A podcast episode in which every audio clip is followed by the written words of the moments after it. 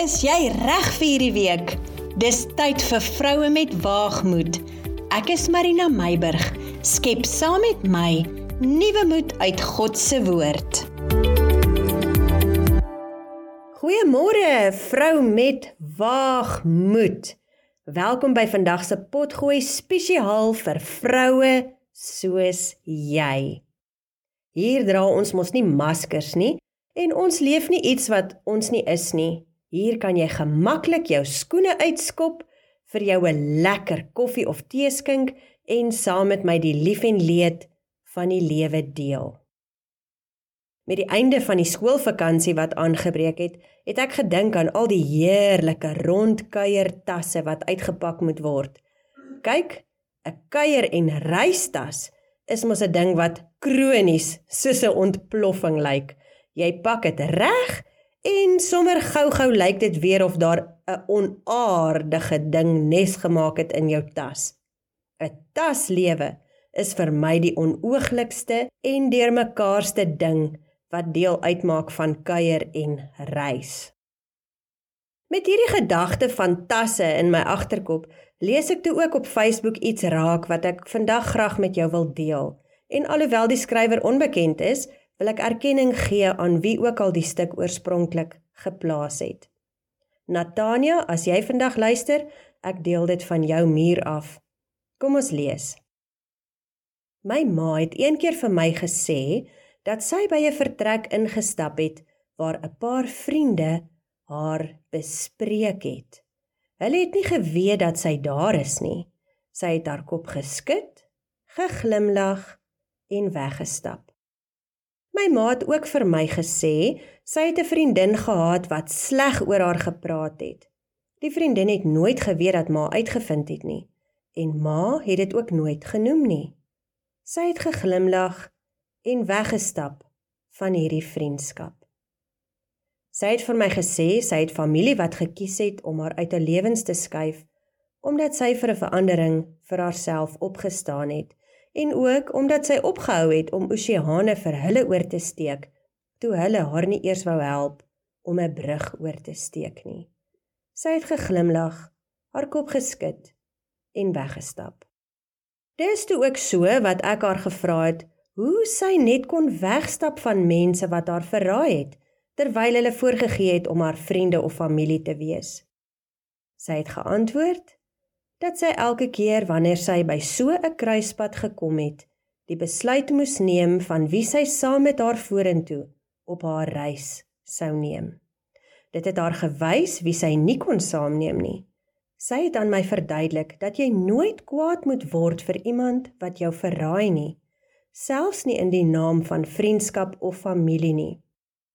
Buig net grasieus uit en geniet jou reis saam met al die nuwe mense wat God in hulle plek op jou pad plaas. Ons gesels vandag oor pak lig. Jep, ons is steeds met verhoudings besig. Verlede week het ek jou aangemoedig om uit te reik na die gebroke familieverhoudings in jou lewe en daadwerklik 'n poging aan te wend om dit te herstel. As jy dit gemis het, luister gerus na gaan vir goud.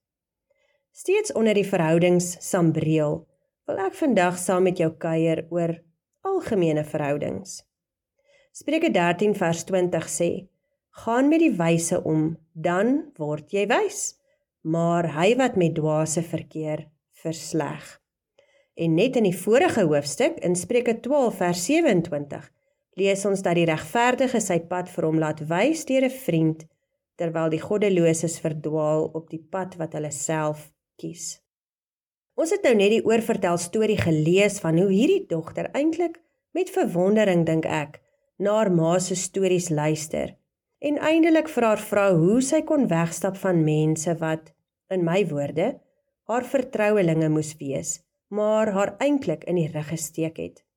Dit is asof ek die prentjie in my geestesoog kan sien van 'n moeder besig om dalk kos te maak, om te brei, op die bank te sit met 'n boek in haar hand en haar tienerdogter wat met belangstellende nuuskierige oë na haar ma se stories luister en dan die groot frons op haar voorkop wat die vraagtekens in haar hart vertolk terwyl sy die onregverdige kloutjie by die oor probeer kry. En dan met soveel liefde, ontferming, lewenswysheid en innerlike krag kyk die moeder haar liefderyk in die oë terwyl sy haar hare saggies streel en sê: Elke keer wanneer ek by so 'n kruispunt gekom het, moes ek die besluit neem van wie ek saam met my vorentoe op reis sou neem. Die gedrag van hierdie mense het aan my bewys wie ek nie kon saamneem nie. My kind, jy moet nooit kwaad word vir iemand wat jou verraai nie, selfs nie in die naam van vriendskap of familie nie buig net grasieus uit en geniet jou reis saam met al die nuwe mense wat God in hulle plek op jou pad plaas. Wat 'n lieflike lewensles. Vriendin, kom ek en jy pak lig in ons algemene verhoudings. Moenie dat verhoudings jou lewensreis oorlaai met allerlei swaar bagasie nie. Ons kan nie die algemene verhoudings in ons lewe altyd kies nie. Ons kan nie ons kollegas kies nie, nie die mense saam met wie ons in die gemeente vir die Here werk nie, op 'n raad saam dien, op die skool se WhatsApp groepie is of die ballet, kuns, musiek, sport, gemeenskap of watter groepie ook al jy nou so lekker oor sit en glimlag nie. Feit bly staan. Ons kan nie altyd die mense kies met wie ons in verhouding moet staan nie, maar ek en jy kan kies hoeveel bagasie daardie mense op ons lewensreis veroorsaak. Die spreekwoord sê: hou jou vriendelikheid goedkoop en jou vriendskap duur. In vandag se konteks, reis saam met die reisgeselskappe van vandag met handbagasie en pak jou reistasse uitsluitlik vir reise saam met jou hartsmense. Jy weet, ons kan dinge so maklik vir onsself aantrek en so besig wees om onsself te probeer verdedig of verduidelik in soveel innerlike konflik en hartseer verkeer oor die verraad van 'n vriendin wat jy as 'n hartsmens beskou het, maar duidelik het sy jou nie so beskou nie. Die raad wat jou voorlegging waarin jy ure gewerk het afgewys het en een wat jy weet saam geflans was aanvaar het net omdat jy nie deel van die monopolie uitmaak nie. Die harde werk wat jy ingesit het in die of daardie liggaam of by jou gemeente en net nie waardeer word daarvoor nie. Dalk waar jy misbruik voel omdat jy een van daardie is wat nou weer alles kan doen, maar niemand is bereid om vir jou 'n tweede myl te loop nie. Ag, weet jy, jy kan maar jou eie boksies aftik oor die mense en dinge wat jou seermaak, kwaad maak en misbruik laat voel. Die ma in ons storie stel dit so mooi buig net grasieus uit en geniet jou reis saam met al die nuwe mense wat God in hulle plek op jou pad plaas. Met buig grasieus uit wil ek nie sê pak jou goed en loop nie, maar laat dit soos water van 'n een se rug afrol. Moenie dit vir jouself aantrek nie. Moenie dat hierdie gebeure en emosies wat dit na vore bring bagasie in jou lewensreis word nie. Pak lig. Moenie dik wintersklere op 'n somersreis neem nie. sien die mense en omstandighede vir wat dit is en beweeg aan. Jou eie innerlike geluk en gesondheid is baie belangriker as om jouself te probeer verduidelik om te probeer om regverdigheid in die saak te kry om die erkenning te, te probeer ontvang Vriendin, buig net grasieus uit in jou hart en beweeg aan. Toe ek en Fanny baie kort getroud was, het iemand eendag vir ons hierdie woorde gesê. En in al die jare wat ons getroud is en soveel mense wie ons ontmoet het en met wie ons moes en ander mee wou saamreis, het ons dit altyd as 'n maatstaf in verhoudings gehou En dit het ons soveel keer gered van onsself, die eie ek wat bagasie wou bymekaar maak uit omstandighede om saam te pikkel op ons lewensreis. Die woorde was: As iemand jou nie in die eerste plek opgebou het nie, het hulle nie die reg om jou af te breek nie. Dit sluit ook aan by Spreuke 13 vers 20 wat ons gelees het. Gaan met wys mense om, mense wat jou opbou, stig en laat groei en onder wie se leiding jy veilig sal wees ook wanneer daar 'n afbreekproses in jou menswees moet plaasvind. Die mense wie jy met jou hart kan vertrou. Dis die mense wie jy reistasse mee saamneem op die lewensreis, want hulle sal jou help en ondersteun om reg in te pak, maar ook om reg uit te pak vir die regte seisoen in jou lewe. Ai, dis alweer tyd om te groet en ek kuier eintlik so lekker vandag met jou. Maar kom ons som gou kortliks 'n paar selfhelp kerngedagtes op oor algemene verhoudings. Nommer 1.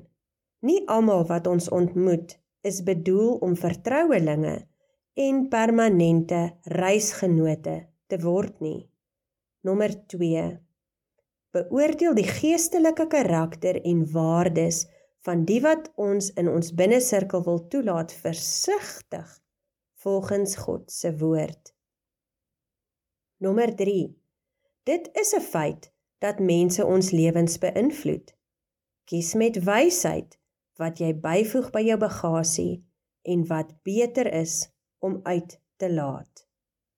Nommer 4. Die reisgenoot op jou lewensreis wat jou opbou en motiveer om geestelik en emosioneel te groei, kan saam met jou werk aan die dinge wat jy moet afbreek in jou lewe. En dan nommer 5, die laaste een. Buig grasieus uit toksiese verhoudings en leer om hulle op grense te stel. Vriendin, sit 'n blom in jou hare en neem God se hand op jou lewensreis. Ja, die reis skronkel soms deur donker gebergtes en ander kere is die pad reguit en oop deur lieflike velde vol pragtige veldblomme.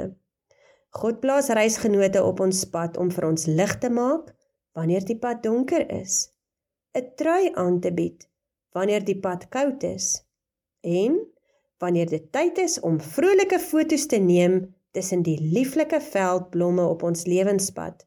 Sit hy ook die om jou wie se gevreetjies op die foto saam met jou moet glimlag. Hoe ook al die reis en wie ook al die geselskap, pak lig en fokus op die reis wanneer die geselskap in ander tale as jou harts- en lewenstaal saam met die Here praat. Mag Vader jou ryklik seën met kosbare reisgenote op jou lewensreis vir jou wysheid, insig en 'n gees van onderskeiding gee wanneer jy met mense deel en hy jou help om grasieus uit te buig en weg te stap van toksiese verhoudings af sonder om bagasie daarvan met jou saam te dra. Nou toe. Veilig reis tot 'n volgende keer.